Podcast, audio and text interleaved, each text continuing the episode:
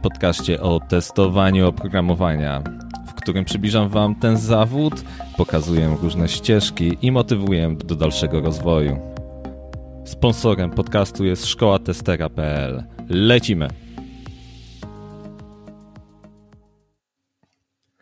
Witajcie, witajcie, witam wszystkich w kolejnym odcinku. Dzisiaj Andrzejkowy, nawet ci, którzy teraz oglądają, to widzą, że jest świeczka.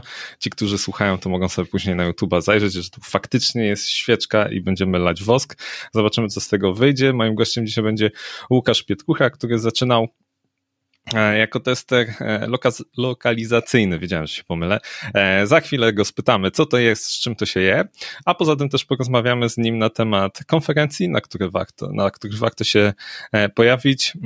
A Łukasz ma duże doświadczenie, bo występował na większości, był też pewnie na większości, nawet jedną organizował. No i też porozmawiamy, jak będzie oczywiście Andrzejki, więc porozmawiamy sobie o tym, jak ten testing będzie w przyszłości wyglądał, bo niektórzy niektórzy mówią, że wkrótce e, umrze śmiercią natu naturalną, e, albo ktoś go ubije. Zobaczymy. E, zapraszam Łukasza. Cześć Łukasz. Cześć, cześć wszystkim. Dzisiaj trochę niestandardowo, bo przeważnie są w piątki live'y. Dzisiaj jest poniedziałek o 20, więc frekwencja może być zabójcza. Natomiast już są dwie osoby, więc witam te dwie osoby. Zaraz sobie tutaj podejrzę na czata. No, oczywiście Maciej Kusz mówił, pisał do mnie, że będzie jest. Witam, witam. Przemek, stały, stały bywalec. E, także e, witamy Was. Mam nadzieję, że uda się nam coś ciekawego tutaj z tego wosku wylać. Mm, natomiast e, Łukasz, tak jak mówiłem, czym się zajmuje tester lokalizacyjny? Bo tego nigdy jeszcze nie poruszałem, a teraz patrzę, że Ty się tym zajmowałeś, więc może powiesz nam Pewnie, kilka słów. chęcią. Miło widzieć znajome nazwiska, też się przewijają e, na różnych grupach, więc e, też e, powitam serdecznie. Testy lokalizacji. Bardzo ciekawa działka. Ja akurat miałem tę przyjemność robić te testy dla branży gier komputerowych, więc śmiano się z nas, że każdy zdrowy gracz, to te wszystkie ekrany, które my musieliśmy czytać, to on pomija, żeby przejść jak najszybciej do rozgrywki i po prostu przeskipować, wiesz, wejść tam sobie. My musieliśmy je czytać. W skrócie, jak ktoś tłumaczy jak, jakąkolwiek, jakikolwiek soft, czy to jest gra, czy to jest e, jakieś inne oprogramowanie, to bardzo często tego softu nie dostaje nawet do ręki. Dostaje jakiegoś Excela, Worda, cokolwiek i po prostu rzeczy z jednego języka przekłada na drugie.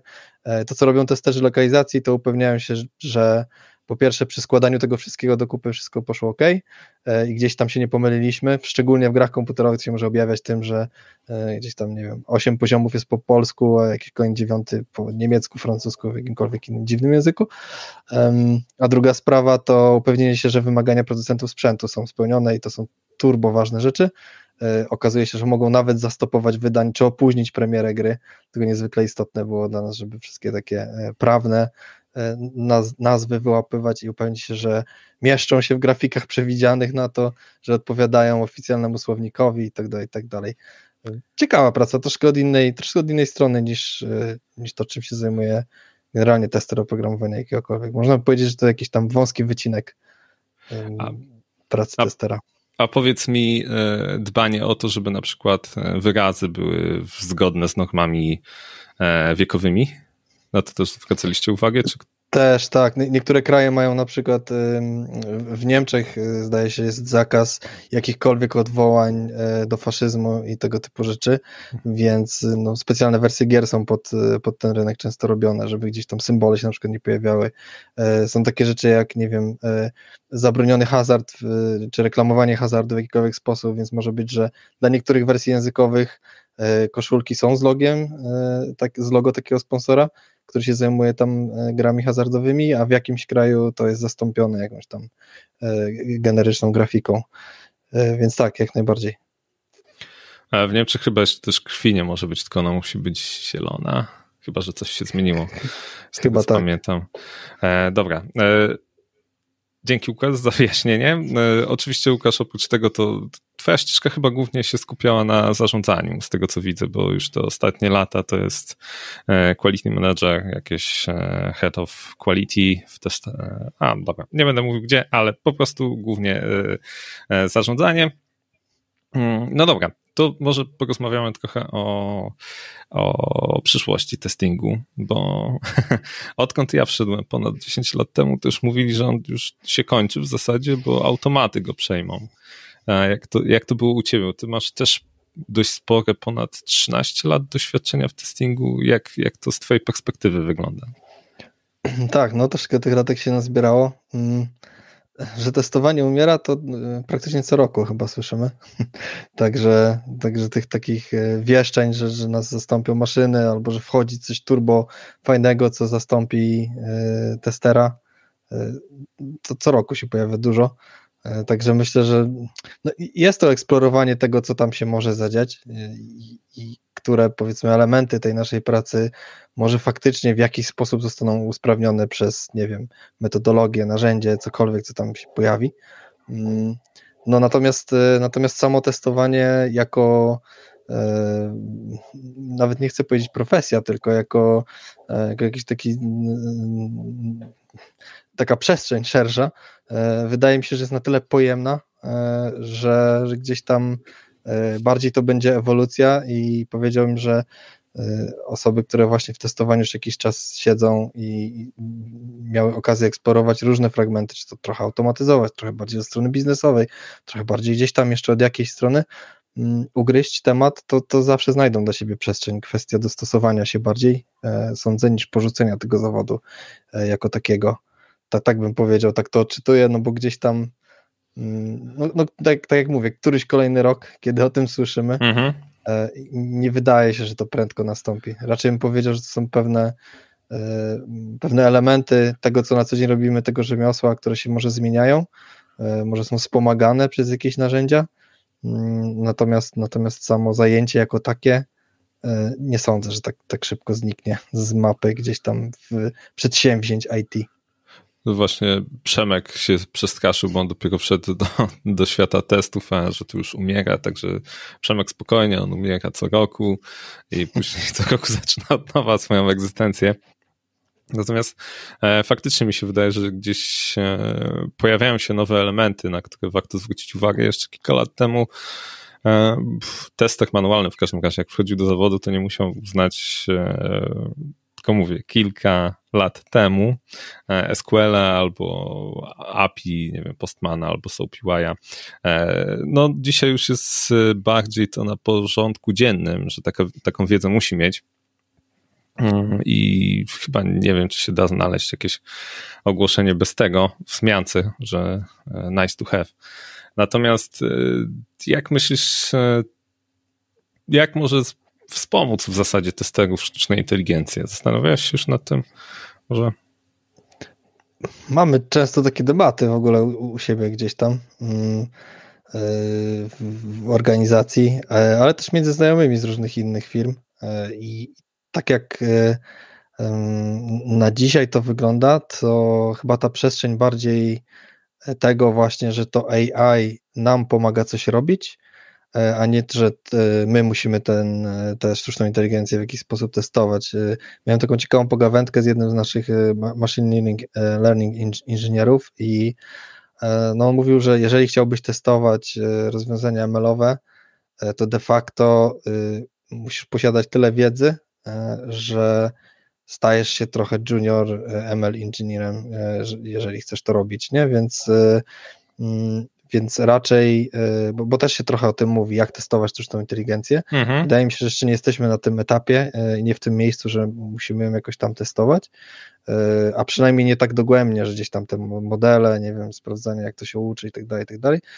Bardziej ta sztuczna inteligencja nam pomaga.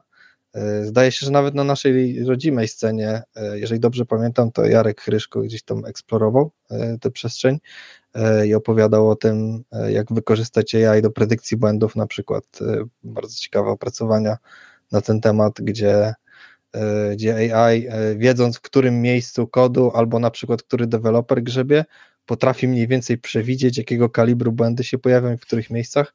Bardzo ciekawe rzeczy w sumie. Powiedziałbym, że, że, że tutaj ta przestrzeń, ewentualnie mm, no, y, coś, coś troszkę zazębia, czyli praca z, z big data, Sądzę, mhm. że to się rozrasta tak mocno, że w pewnym momencie przetworzenie tak dużej ilości danych bez wspomagania jaja, żeby nas przyspieszył rozpoznawanie pewnych rzeczy, mm, też może być kłopotliwe i może tutaj jakieś, jakieś ciekawe zastosowanie mogłoby się pojawić. A właśnie do tego big data chciałem wrócić, bo, bo wspominałeś o tym, jak rozmawialiśmy, znaczy w sensie dogadywaliśmy się, o czym będzie odcinek. Wspominałeś, że o tym warto wspomnieć. E, czy już jakieś takie przypadki z życia odnośnie testowania big data? Wiesz co, ja osobiście się nie zetknąłem. Mm, znaczy nie byłem po prostu w projektach, które, mhm. które się tym gdzieś tam zajmują. E, natomiast tak jak sobie patrzę, jak e, jak przez ostatnie dwa lata, jeszcze teraz pandemia się stała trochę katalizatorem tego wszystkiego, jak dużo rzeczy, które kiedyś nie myślały o tym, żeby, jak dużo biznesów, które nie myślały, żeby się przenieść do tej y, sfery cyfrowej, e, się jednak do niej przenosi, e, jak rośnie na popularności wszystko, co związane z cloudem i tak dalej, jak, jak y, rozbudowane się po prostu stają te rozwiązania, to wydaje mi się, że no, tak potężna ilość danych, która jest tym dziś przetwarzana, no musi to po prostu nas e, uderzy. To tak jak powiedziałeś, że mm, parę lat temu mm, nie musieliśmy się tak mocno martwić, e, przynajmniej nie wszędzie, e, o, o, o to wszystko, co jest gdzieś tam pod spodem, o te wszystkie, nie wiem, protokoły komunikacyjne, o to, co się dzieje w bazie danych i tak dalej. Tak dzisiaj pewnie sobie nie wyobrażamy testera bez znajomości, przynajmniej podstaw tego wszystkiego.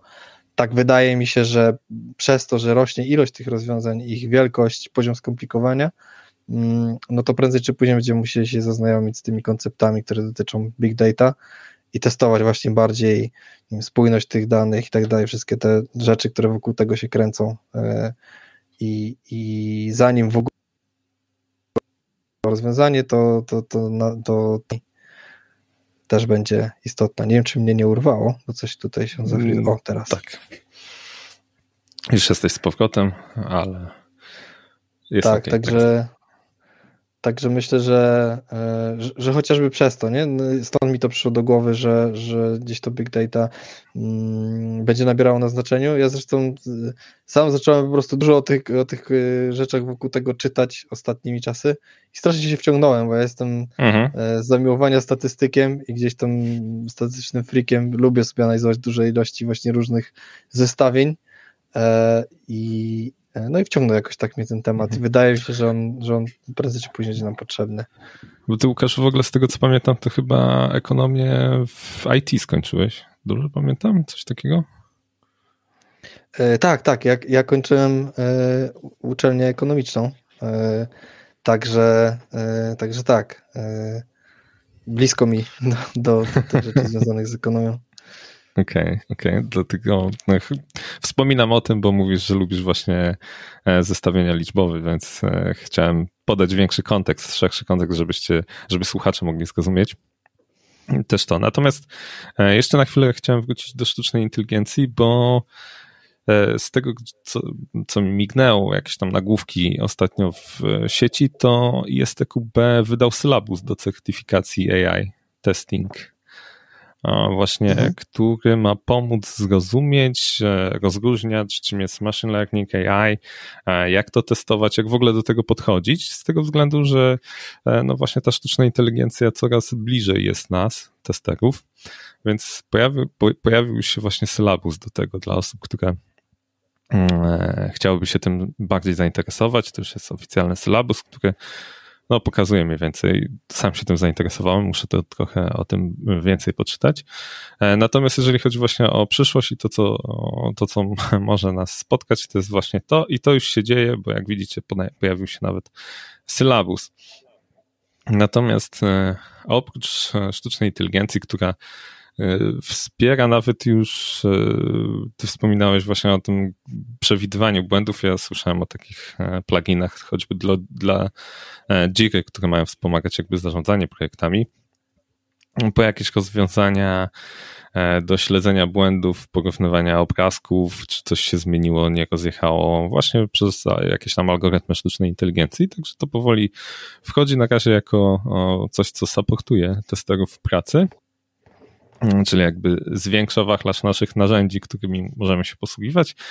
Natomiast jeszcze chyba nie można mówić o tym, że nam niedługo zabierze pracę. Mm, tak mi się wydaje. Natomiast to, co od kilku lat w różnych raportach się pojawia od, odnośnie e, trendów, to jest e, rzeczywistość rozszerzona. I to jest do tego stopnia idzie w tym kierunku, że nawet e, trafiłem na artykuł, że iPhone za 10 lat ma wycofać, znaczy Apple ma się wycofać z iPhone'ów za 10 lat właśnie na rzecz rozszerzonej rzeczywistości. No jest to niezła ciekawostka. Y, I, I, ponownie tutaj pewnie katalizatorem było to, co się działo na świecie przez ostatnie dwa lata, bo znowuż tak dużo branż, które wcześniej nie sięgały po te rozwiązania, nagle się okazało, że mogą z nich całkiem fajnie korzystać. Y, takie dwa przykłady, które mi przychodzą do głowy. Widziałem bardzo fajną, fajne rozwiązanie dotyczące sprzedaży nieruchomości gdzie nie trzeba być na miejscu w tym pomieszczeniu, czy tym mieszkaniu, domu, cokolwiek, który chce się kupić, tylko jedzie tam ten e, agent nieruchomości, e, a my zakładając wiarowe okulary, generalnie możemy sobie po tym wszystkim łazić i oglądać, jak gdybyśmy tam byli. E, w podobny sposób to już teraz popularne w programach telewizyjnych, można sobie obejrzeć, jak będzie wyglądało E, jak będzie wyglądał remont, gdzie chcielibyśmy wszystko wywrócić do góry nogami, przestawić schody w inne miejsce i tak dalej, e, zrobić generalnie e, duże zmiany w, w, w domku na przykład swoim, no to, to VR to wspomaga. I jeszcze trzecie, co mi przychodzi do głowy, też bardzo fajne, wielu pilotów wycieczek przechodziło ciężki czas teraz przez te ostatnie dwa lata, wiadomo, podróżować nie można było, dużo restrykcji w różnych krajach i tak dalej, E, I, I tutaj VR też się okazał strzałem w dziesiątkę. Okazało się, że można było w takim spacerze wirtualnie, ale jednak w czasie rzeczywistym uczestniczyć. E, mhm. Niekoniecznie będąc na miejscu i, i nawet nie musząc się udawać do, do tego kraju. Wiadomo, że to jest inny rodzaj doświadczenia, bo, bo się tych wszystkich miejsc nie widzi, nie dotyka, nie, nie robi się zdjęć i tak dalej, ale mimo wszystko już to jest jakaś namiastka tego, nie? Co, E, co kiedyś było. E, także tych rozwiązań pewnie wiarowych jest jeszcze więcej e, i, i bardzo ciekawych. No i pewnie to też duże wyzwanie pod kątem testowania tego.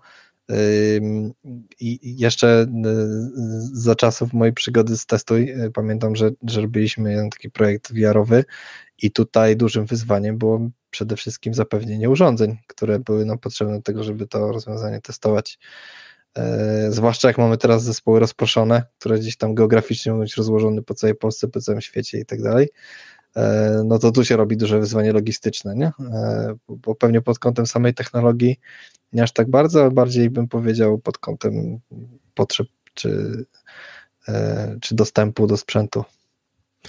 No i plus jeszcze to, że tam jest e, no, układ sferyczny, czyli e, zrobić screena sferyczny to jest dość ciekawie, żeby później zaraportować.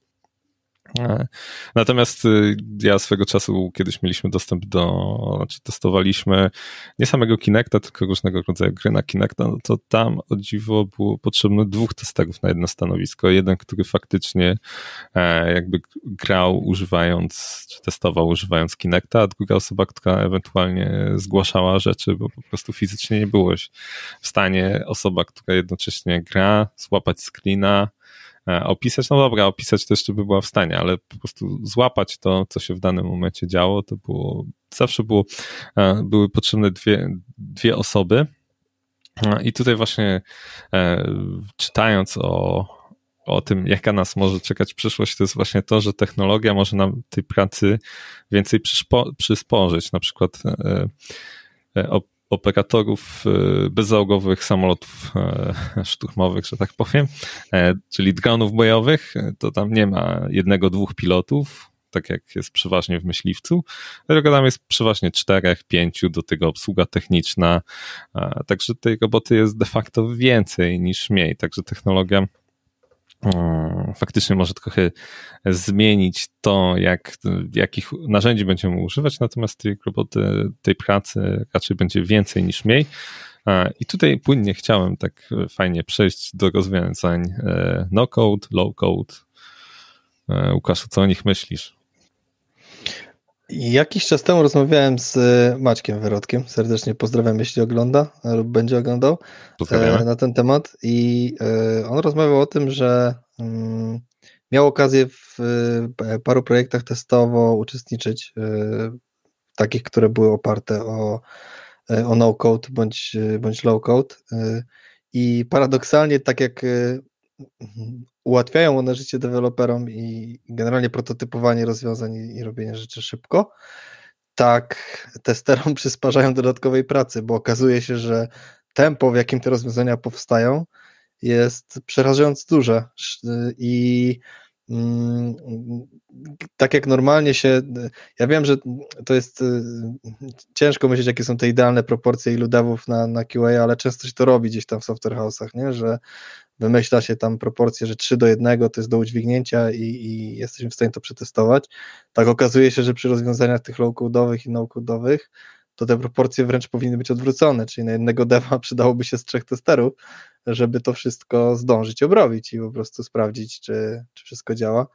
E, no a z drugiej strony same te rozwiązania e, same w sobie gdzieś tam pewnie są też testowane, więc y, zakładam, że tutaj też dużym wyzwaniem może być to, y, ile tak naprawdę będziemy znajdować problemów y, czy bugów ściśle związanych z pracą naszych devów, którzy składają te gotowe klocuszki w całości, a ile będziemy znajdować bugów w samym tym rozwiązaniu, w samym tym narzędziu, które no, pozwala w tym no-code czy low-code coś tam budować i pewnie odfiltrowywanie tego to jakieś tam wyzwanie, i, jeżeli założymy, że powinniśmy te wszystkie rzeczy odfiltrowywać, bo to już należy do samej zabawki, no wiadomo, trzeba zaraportować gdzieś tam, żeby, albo sprawdzić przynajmniej, czy ktoś już wcześniej tego nie zauważył z osób robiących samo to narzędzie służące do kodu, tak może się okazać, że y, ciężko będzie w ogóle cokolwiek znaleźć, bo skoro to są gotowe klocki, mm, no to może się będziemy natykali tylko na takie bugi, których nie udało się wyłapać w samym narzędziu wcześniej.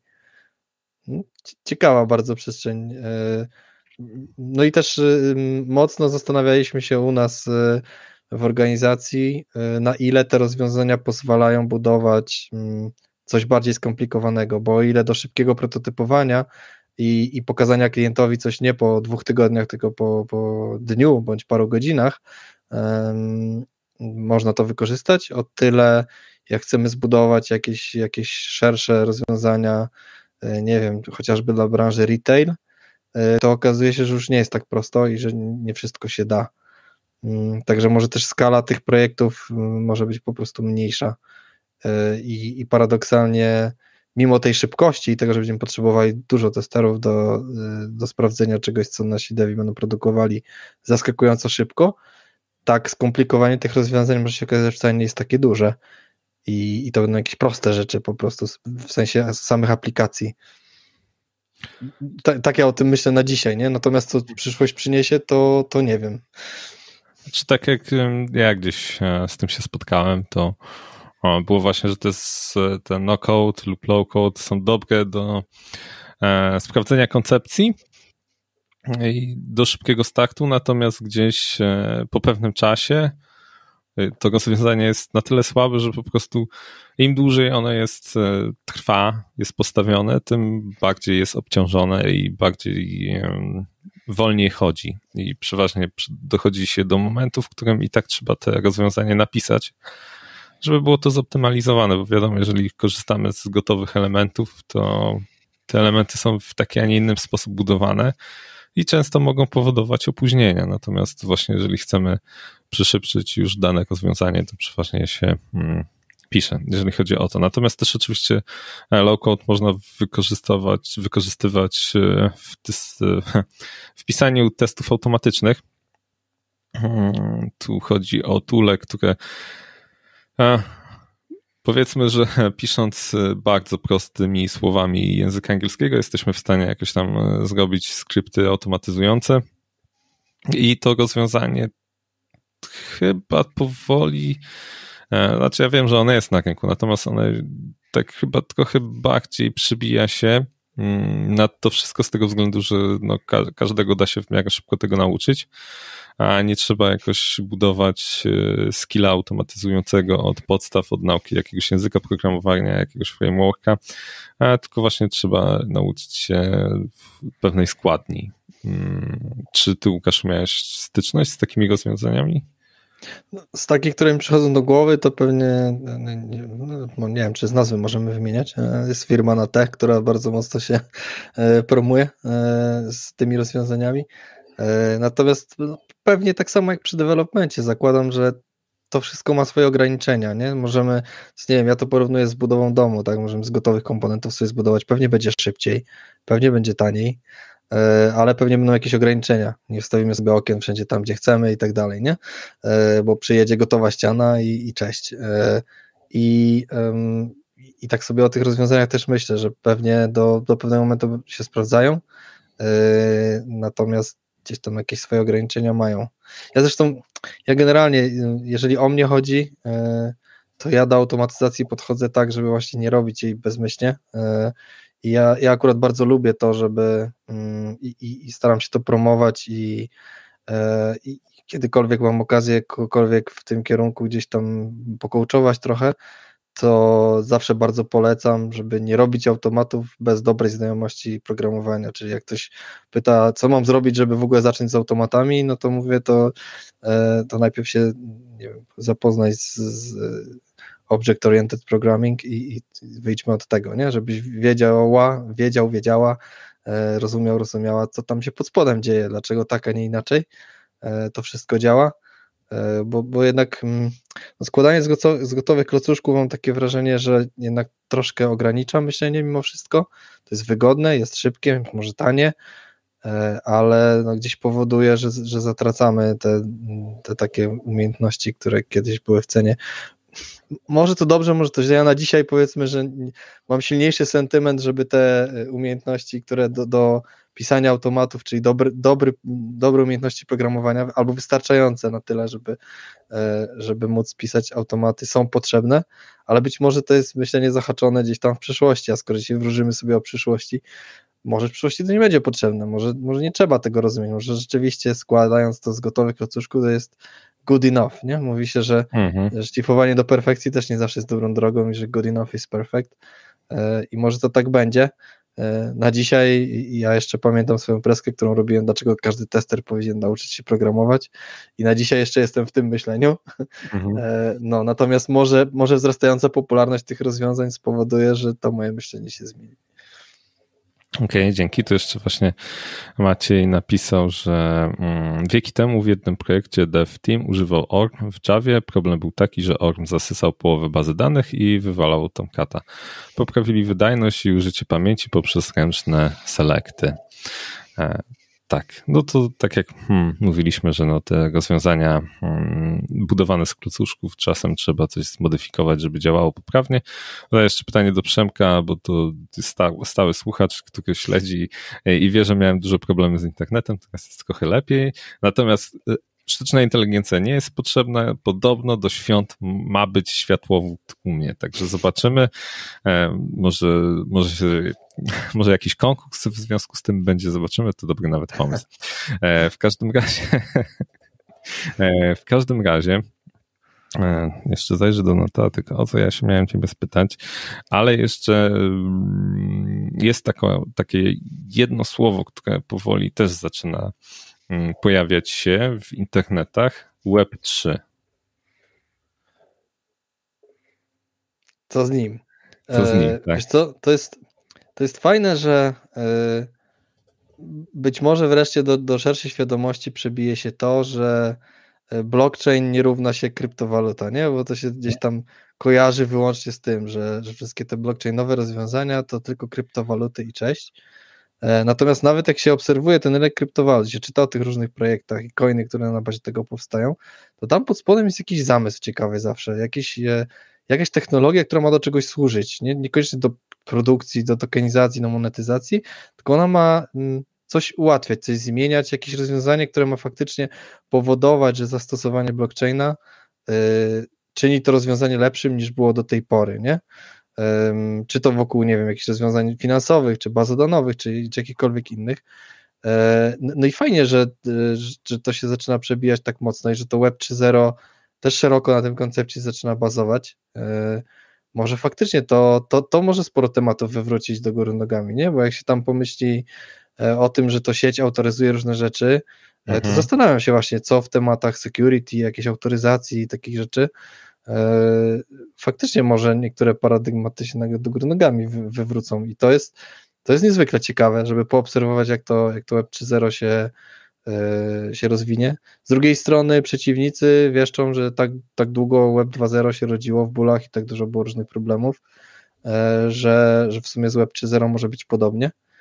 Yy, natomiast myślę, że bardzo ciekawe, bardzo fajnie, że, że coś takiego zawitało gdzieś tam do głów różnych mądrych ludzi i że, że próbujemy utylizować te, tego blockchaina w jakiś tam sposób, albo przynajmniej koncepcje z nim związane, mhm. więc dla testerów uważam, że temat bardzo wart obserwowania, co tam się będzie działo w tym temacie. No i tutaj właśnie, mhm. właśnie warto wspomnieć, że to ma być właśnie oparte o blockchain, więc e, temat blockchain nadal wraca jak boomerang, jak nie jako kryptowaluty, tak jako nowe rozwiązania do autoryzacji. Mm, także może być bardzo ciekawy i to właśnie e, taki boom ma być właśnie w 2022. I tutaj odpowiadając na pytanie Macieja, w którym roku ma być ten światłowód, to ma być w tym. Także zobaczymy. No ale dobra, e, żeby już z, e, zejść z powrotem do te, tematu, także no, web... Pozwolisz, że jeszcze wejdę właśnie no, no. w ten. Gdy, gdyby nas słuchali jacyś ludzie, którzy wokół tego gdzieś tam szerzej działają, e, to ja bym się bardzo chętnie znetworkował, bo to jest super ciekawy temat fajnie byłoby posłuchać, e, co tam w tym blockchainowym świecie piszczy. Zdaje się, że jest jakaś część testerów e, u nas już na rynku, bo widziałem, że tam przewijały się posty w grupie testowania oprogramowania. E, przy okazji pozdrowienia dla Piotra Licherskiego, który niezmiennie prowadzi dzielnie tę grupę od długiego czasu że y, pojawiały się gdzieś tam y, takie y, wrzutki, że ktoś blisko takich rozwiązań pracuje, albo z takimi rozwiązaniami pracuje. Super byłoby posłuchać. Ja chyba nie przypominam sobie właśnie jakiejś, jakiegoś fajnego wystąpienia wokół, wokół tematów związanych z blockchainem wśród, wśród różnych konferencji, które gdzieś tam się dzieją, więc no fajnie, fajnie byłoby poobserwować kogoś, kto w tym siedzi głębiej. Tak, i w, w ogóle jeszcze bardzo mało się o tym mówi. E, fakt, że trochę ostatnio tokeny NFT zaczęły takie bardziej wypływać na, na światło dzienne i e, bardziej dla artystów. Natomiast e, powoli już dużo osób zaczyna właśnie próbować to przekładać na własne biznesy i to, co tak e, najczęściej można spotkać wpisując e, wyszukiwarkę Web 3.0 to jest jakieś porównanie mm, obecnych tuli w Web 2.0 i mniej więcej nazwy oprogramowania, które będzie tam właśnie działało w Web 3.0 i z przeglądarek jak Web 2.0 jest Chrome, tak? Web 3.0 jest Brave przeglądarka. To tak e, a propos, żebyście widzieli, jakie to jest mniej więcej e, porównanie. Jak e, wpisz, wpiszecie sobie w Google, no to tam więcej wam wyskoczy tych porównań, także to jest to, nad czym warto się mm, skupić w nadchodzącym czasie. No dobra, to czy Łukaszu, czy coś jeszcze ci przychodzi na myśl odnośnie przyszłości testingu? Na pewno nie umrze. to jestem, jestem przekonany. E, ja jestem bardzo ciekaw, e, jak to teraz będzie e, z tematem różnych wearables, bo przez chwilę wydawało się, że to jest temat bardzo popularny. Gdzieś tych różnych zegarków, nie zegarków, różnych tego typu urządzeń napowstawało, też tem, tematy wokół IoT się kręcące. Mhm. Bardzo jestem ciekaw przy, przy tak e, dużej cyfryzacji i przy tak dużej e, zdalności tego wszystkiego, co robimy obecnie w IT. Mm, ciekaw jestem, czy ten temat właśnie pójdzie dalej w jakieś ciekawe rozwiązania e, i ciekawe przestrzenie, czy to będzie temat, który trochę umrze właśnie dlatego, że może, nie wiem, przestanie być tak mocno potrzebny. Mm, to jest taka duża niewiadoma, więc tak jak się dużo o tym, e, o tym IoT mówi, mm -hmm. to znowuż pozwolę sobie, Marcin Sikorski, pozdrawiam serdecznie, jak chcecie IoT, to obserwujcie gościa. Natomiast no zastanawiam się właśnie, co, co tutaj będzie. Wielka niewiadoma dla mnie. Tak jak sobie próbowałem te, o tych tematach właśnie, jak sobie rozmawialiśmy przed, y, to, to różne chwile po, pomyśleć i, i co tu ciekawego powiedzieć, tak, tak w tym temacie nic ciekawego nie wymyśliłem, więc tutaj mam taką wielką niewiadomą.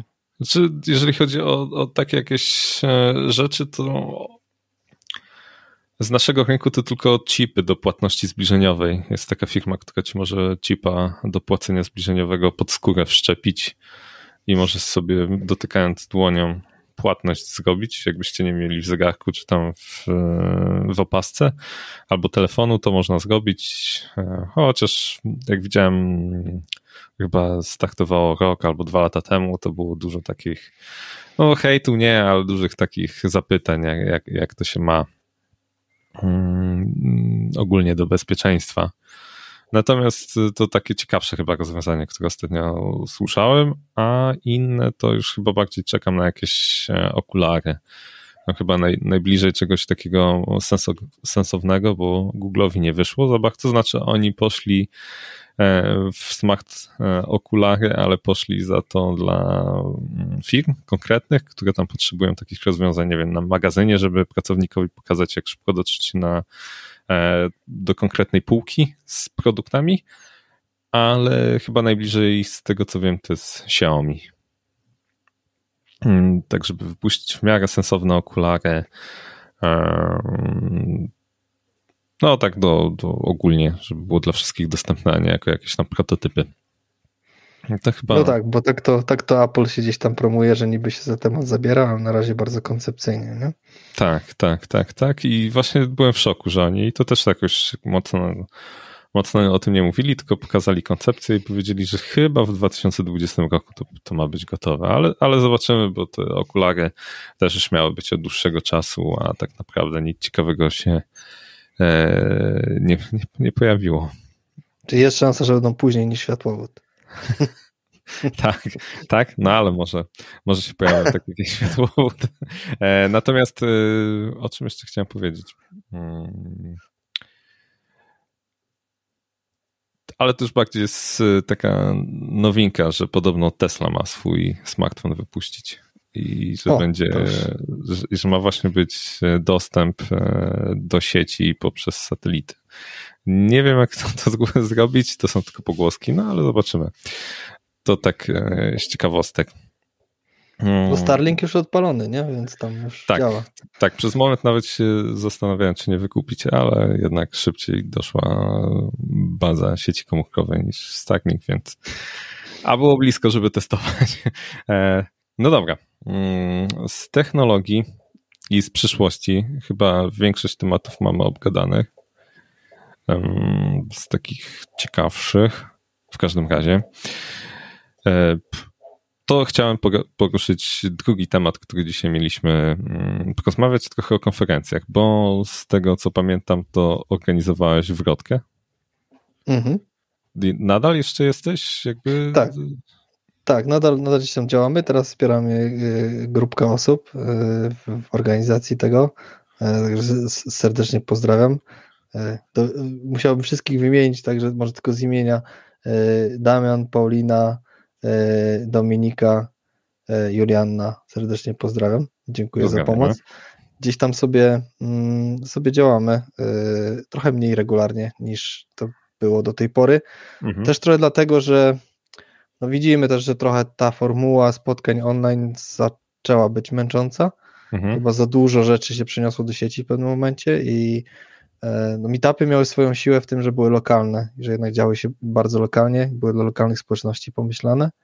Jak to wszystko się przeniosło do sieci, e, tak e, zaczęło być, zaczął być przesyt, przesyt tego wszystkiego i zauważyliśmy też po właśnie po ilości osób, które przychodzą, E, że jak ktoś siedzi przed kompem cały dzień, e, więcej tak naprawdę niż w biurze, bo wiadomo, w biurze się poszło na kawkę, na obiad i tak dalej. E, teraz się siedzi więcej i, i konferencji zaczęły być online i meetupy zaczęły być online, to po mhm. prostu mm, widzimy, że, że, społecznościom się odechciało na, na tak wielu wydarzeniach być. Dlatego tę wrotkę trochę mniej regularnie teraz organizujemy z mniejszą częstotliwością. Że może jak wróci trochę normalność, to nam się uda znowuż trochę bardziej lokalnie e, te spotkania robić. Myślę, że w tym, w tym była fajność i siła tego typu inicjatyw. Znaczy, właśnie jak pandemia się zaczęła i wszyscy już się oswoili, że trzeba w domu siedzieć, to nagle był wysyp i tego było za dużo, że już człowiek nie wiedział, w, gdzie się pojawić, gdzie być, jaki dzień jest w ogóle wolny, żeby cokolwiek, e, żeby Netflixa spokojnie obejrzeć. Natomiast e, faktycznie tego był dość spory przesyt i teraz Warszawka chyba miała teraz e, jakoś, chyba w zeszłym tygodniu spotkanie, pozdrawiam.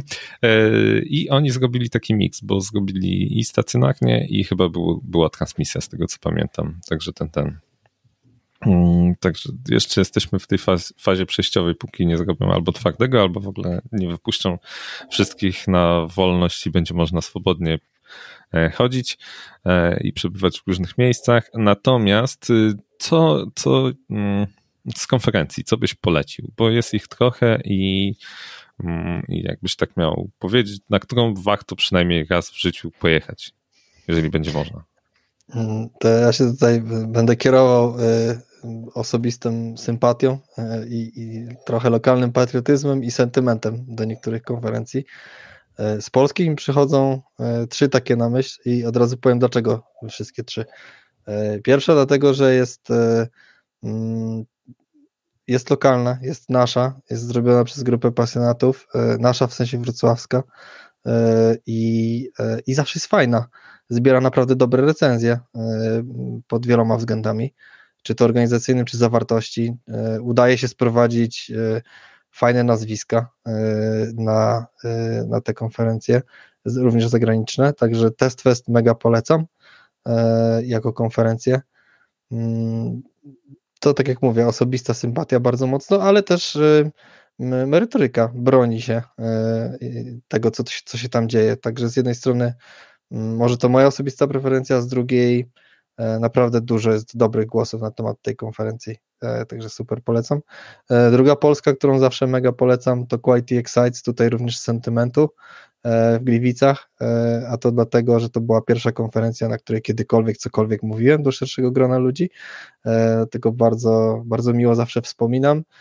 Jej siłą ostatnimi czasy, kiedy jeszcze siedziała offline, było to, że zaczęła być konferencją, która e, łączyła te dwa światy mm, testerski i deweloperski. Zaczęła być taką konferencją mix, e, trochę dewelopersko-testerską i to było super w niej. E, to mi się bardzo, bardzo w niej podobało. No i trzecia też tak trochę z sentymentu i, i trochę bardziej z uwagi na to, że jest chyba największa, zawsze tam najwięcej osób przyjeżdża i zawsze jest najwięcej okazji do networkingu, to też jest moim zdaniem dużą siłą, bo oprócz tego, że merytoryka, jakieś fajne wykłady, e, to, e, to super jest e, rozwijać znajomości na konferencjach, porozmawiać, co się dzieje w innych firmach, poznać inne punkty widzenia. To jest bardzo duża siła, największa chyba. Test Wareza, czy test Wars, jak to woli, więc, więc polecam, bo po prostu dzieje się od dawna, chyba wszyscy ją znają, e, też jest robiona przez, przez stowarzyszenie, więc nie jest taką e, ściśle komercyjną konferencją, tylko jest robiona przez SJSI, więc e, przede wszystkim dla społeczności i to mi się w niej bardzo podoba, mm, dlatego ją bardzo polecam, to z takiego lokalnego podwórka. Natomiast jeżeli chodzi o konferencje zagraniczne, E, to, to znowuż mój osobisty wybór. e, i preferencja e, Eurostar, dlatego że jest ma najstarszą, największą i bardzo silnie obsadzoną zawsze konferencją. E, z tym, że pada dużo zarzutów w jej stronę, że jest bardzo zorientowana na tematy miękkie, więc pewnie tutaj z mojego punktu widzenia interesująca. E, ja lubię pracować z ludźmi, tak jak mówisz, przez ostatnie lata to jest bardziej już e, zarządzanie testami mhm. Mm, niż, niż praca blisko projektów, więc z mojego punktu widzenia jest, jest super fajna. Z takich europejskich jeszcze Agile Testing Days, też bardzo fajna konfa. No i tutaj właśnie jak rozmawiałem przed tym spotkaniem, też podpytałem paru znajomych, co sądzą o różnych konferencjach, które się dzieją. Marta Finlay, która zresztą organizuje Test Festa, którą serdecznie pozdrawiam też, wspomniała o tym, że bardzo interesujący się wydaje ten kierunek dość bliski nam, to znaczy Bułgaria, Rumunia, Ukraina. W tych krajach się dzieją naprawdę ciekawe wydarzenia i ciekawe konfy e, i, i potrafią zaskakiwać agendą i treścią tego, co robią. Także e, konferencje w tych krajach się odbywające, organizowane, e, warto pewnie też mieć na oku i, i patrzeć, co tam się dzieje ciekawego, mm, bo może być dużo fajnego kontentu. Okay, no, to, taki, to taka moja top, top lista, powiedzmy, tego, co bym, co bym polecał. Nie, tak, tak właśnie sobie mm, statystyki przeglądałem, jak mówiłeś, z 2019, no to mniej więcej się pokrywały z tym, co mówisz. Hmm, także mniej więcej na to warto jechać. E, to, co mówiłeś o tym, że na miękkie, to też chyba bym bardziej właśnie w tą stronę Mm, sobie pojechał zobaczyć, jak, co ciekawego mówią na temat miękkich kompetencji na takich konferencjach. E, natomiast z tą Bułgarią i tamtym kierunkiem trochę mnie zdziwiłeś, bo tak w zasadzie się mało mówi, że, że tam coś się dzieje, a pewnie na pewno się dzieje. E, natomiast jeszcze mm, mam do Ciebie pytanie, od której konferencji byś zaczął, jeżeli byś chciał e, być prelegentem? Ho, to jest, y, to jest trudne pytanie. Mm, powiedziałbym inaczej. Y, nie patrzyłbym, która to jest konferencja. Y, bardziej. Ja, ja miałem swego czasu taki problem. A może, może bardziej opowiem, jak, jak to było u mnie i może to, może to kogoś zainspiruje. Mm, generalnie, jak masz, jak masz pomysł na temat już i, i chcesz go gdzieś przedstawić, to fajnie jest e, przeglądać sobie, jaki jest ten motyw przewodni konferencji, która się ma odbyć. Nieważne, gdzie ona jest, nieważne, kto ją robi, e, ważne, żeby zrozumieć, jaki jest motyw przewodni, e, jakiego rodzaju wystąpień tam oczekują i właśnie spróbować namierzyć taką, która będzie najbardziej odpowiadać Tobie z tym Twoim tematem, to z jednej strony, a z drugiej strony, która skorzysta na tym, że Ty tam jesteś.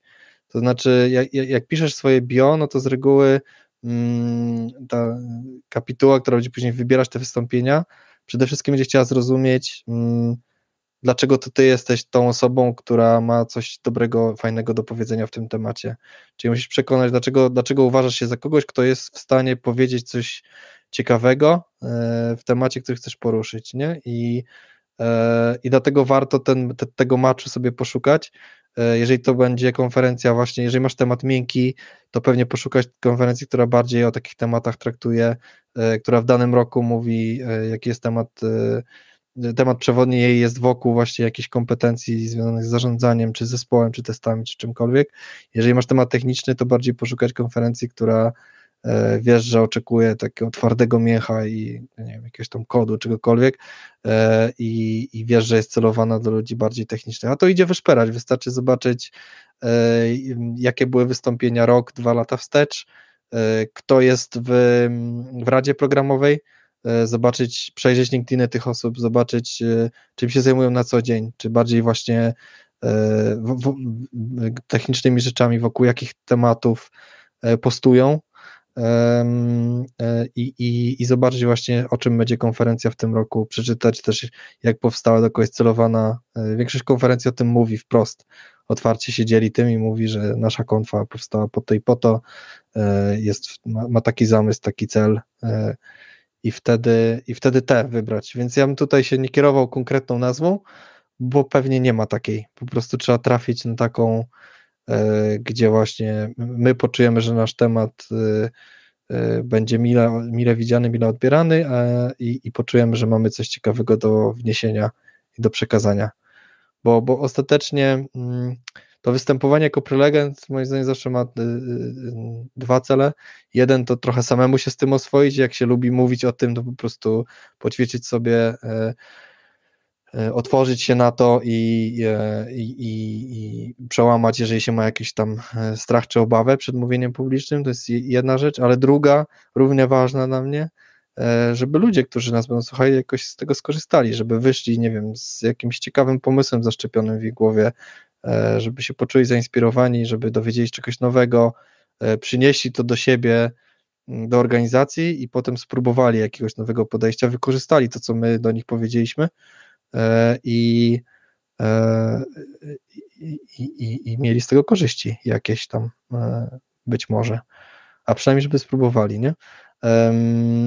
Jeszcze kończąc, wiem, że dzisiaj dużo reklamował ten Test Fest, ale nie znam drugiej takiej konferencji, która oferuje prelegentom przygotowanie.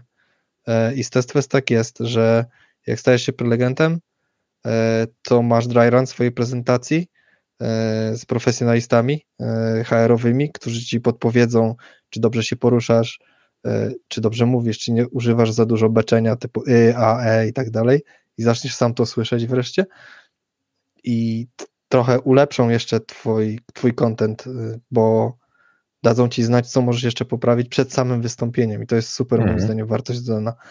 Więc z polskich konf to tylko te kojarzę, która tak bardzo przygotowuje prelegentów. Natomiast też pewnie różne konferencje, które tak robią, e, to się tym pochwalą, więc jeżeli się tym pochwalą, to też szukając swojej drogi mm, do wystąpień i pierwszego publicznego wystąpienia, to, to szukam takich, które duży, e, w duży sposób ułatwiają życie prelegentom i jakoś e, obiecują jakieś przygotowanie, mm, jakąś pracę z tym prelegentem, żeby było mu bądź jej łatwiej. To, szczerze powiedziawszy, nawet nie wiedziałem o tym, że mm, są takie jakby rany tego przed wystąpieniami i to jest no, sporo, sporo można z tego zyskać.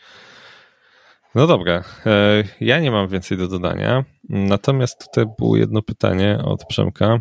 Mm, co myślicie o przyszłości testowania w kontekście podejścia shift left? Testowa testować mieliby deweloperzy, a tester miałby być takim konsultantem i nauczycielem. Hm. Ja bym powiedział, że to nawet nie jest przyszłość, o tym shift left to się mówi tak już, no, będzie z 2-3 lata, e, jak mhm. ten temat się przewija. E, w zamyśle fajne, w praktyce trudne.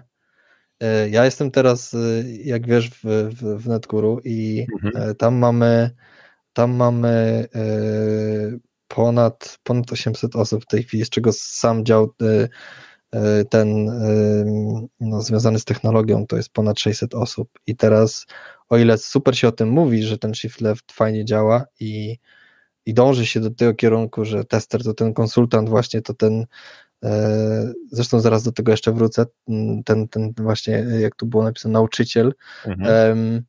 to w praktyce wprowadzenie tego wcale nie jest takie łatwe przekonanie zespołu, że jest z tego wartość, przekonanie też klienta, że deweloper ma poświęcać część swojego czasu na testowanie zamiast na dewelopowanie, e, jest dużym wyzwaniem. Mm, a zawsze największym wyzwaniem jest praca z mindsetem, więc przerobienie mindsetu zespołów, że są z tego korzyści i że warto to robić, potężna praca. E, Natomiast wracając, y, ja zawsze lubię powtarzać, że to jest w samej nazwie. Ja lubię się uciekać do tej nazwy, że to jest quality engineer. Często tak, tak sobie mówimy o tym. I dla mnie inżynier od jakości to jest tak samo jak inżynier od jakiegokolwiek innego tematu w świecie. E, nie wiem, inżynier budownictwa i tak dalej. Że jesteśmy inżynierami jakości, to moim zdaniem w samej tej nazwie zaszyte jest to, że my powinniśmy to budować właśnie, czyli dużo tej pracy poświęcać nie na wykonywanie rzeczy przesuwanie ich z jednej kolumny do drugiej, tylko na prowadzenie tej inżynierii, czyli właśnie mm, pomaganiu zespołowi w zrozumieniu, jak mogą lepiej dbać o jakość, jakie praktyki w ramach swoich działań mogą wprowadzać, żeby ta jakość była obecna, żeby była właśnie wbudowana, nie? E, jak mają pracować z wymaganiami, jak z kodem i tak dalej, i tak dalej, czyli właśnie być takim trochę konsultantem, nauczycielem, to jest dla mnie taki engineering sensu stricte, że właśnie tak, tak to powinno wyglądać, nie? A już jak uda nam się przekonać, to już jest kolejny sukces, żeby to wdrożyli, ale nie, nie mam nic do dodania, jak najbardziej się z tym zgadzam. Natomiast zostało nam jeszcze kilka minut, to może w końcu poleję ten woski, zobaczymy co nam wyjdzie. Jak wyjdzie czacha, to znaczy, że to testowanie jednak umrze. Nie, nie, nie wygląda. Poczekaj.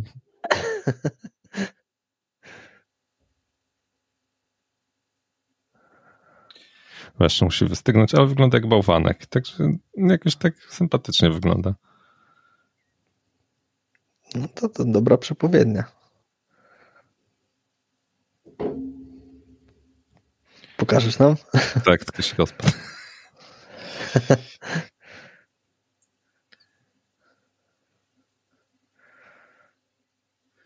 Nie wiem, czy widać coś takiego, ale to wyglądało jak bałwanek, dopóki się nie popsuło. Także nie wiem, jak to, co można na ten temat powiedzieć. E, może osoby, które słuchają teraz mają pomysł. Generalnie... Ja, ja mam, swoją interpretację. Skoro, skoro się rozpadł, to kule śnieżne to, to, to dobry e, akurat prognostyk. Kula śnieżna im bardziej się toczy, tym większa się robi, więc znaczyłoby, że to testowanie będzie nabierać na znaczeniu jednak i coraz tak, Tak, dokładnie tak. Można tak to e, powiedzieć. E, tak, to tutaj macie podpowiadać, że to jest nowa, nowa reklama Ghostbusters. Ale tak, tak trochę ten, te, to przypominało tego e, tego ducha, co wyglądał jak ten reklama firmy od opon. E, tak, w każdym razie wyszedł taki bałwanek. No nie wiem jak to ten, ale powiedzmy, że to jest dobry znak. Testing się nie kończy, oba, obalamy ten mit. To, mit to był taki mały clickbait, oczywiście, że się nie skończy. E, mam nadzieję, że e, wszystkim słuchaczom się podobało. Mm, że dużo wiedzy wynieśliście z tego odcinka. Łukaszu, bardzo dziękuję, że w poniedziałek poświęciłeś e, mi i innym osobom, które dzisiaj i w przyszłości będą tego odcinka e, słuchać, bo rozumiem, że w poniedziałek jest dość specyficzny, więc dużo osób mogło być zajęte innymi e, rzeczami. Natomiast jak najbardziej te odcinki później lawinowo tych odsłuchań przybywa. Natomiast wszystkie linki, które gdzieś tutaj wspominałem, umieszczę w opisach do odcinka. I co? I życzę wszystkim e, spokojnego tygodnia, bo mamy tydzień. Jeszcze przed nami zawsze był piątek, więc tak dzisiaj mi trochę dziwno, ale tak życzę wszystkim miłego tygodnia. Łukasz, tobie też dziękuję jeszcze raz, że przybyłeś. I co? Do zobaczenia, usłyszenia gdzieś kiedyś w przyszłości. Dziękuję serdecznie za zaproszenie. Też mam Dzięki. nadzieję, że miło się słuchało. E, trzymajcie się i do usłyszenia. Cześć. Dziękuję Wam, że wysłuchaliście kolejnego wspaniałego, cudownego odcinka i będę na Was zły, jeżeli tego nie polubicie, nie szerujecie, wiecie o co chodzi. To są media społecznościowe, tym trzeba się dzielić, żeby to działało. To będzie dla mnie największa wdzięczność, jeżeli to zrobicie. Oprócz tego pamiętajcie, że prowadzę szkołę testera.pl, gdzie od zera do bohatera hmm, mogę Was przeprowadzić przez ścieżkę, jak zostać testerem technicznym. Natomiast zawsze możecie wspomóc tworzenie tego e, wspaniałego podcastu poprzez stronę Patronite lub po prostu klikając w link postaw mi kawę. Natomiast jeżeli jesteście zainteresowani mm, moimi t-shirtami, to zapraszam na fuckit.com.pl. Trzymajcie się, do usłyszenia.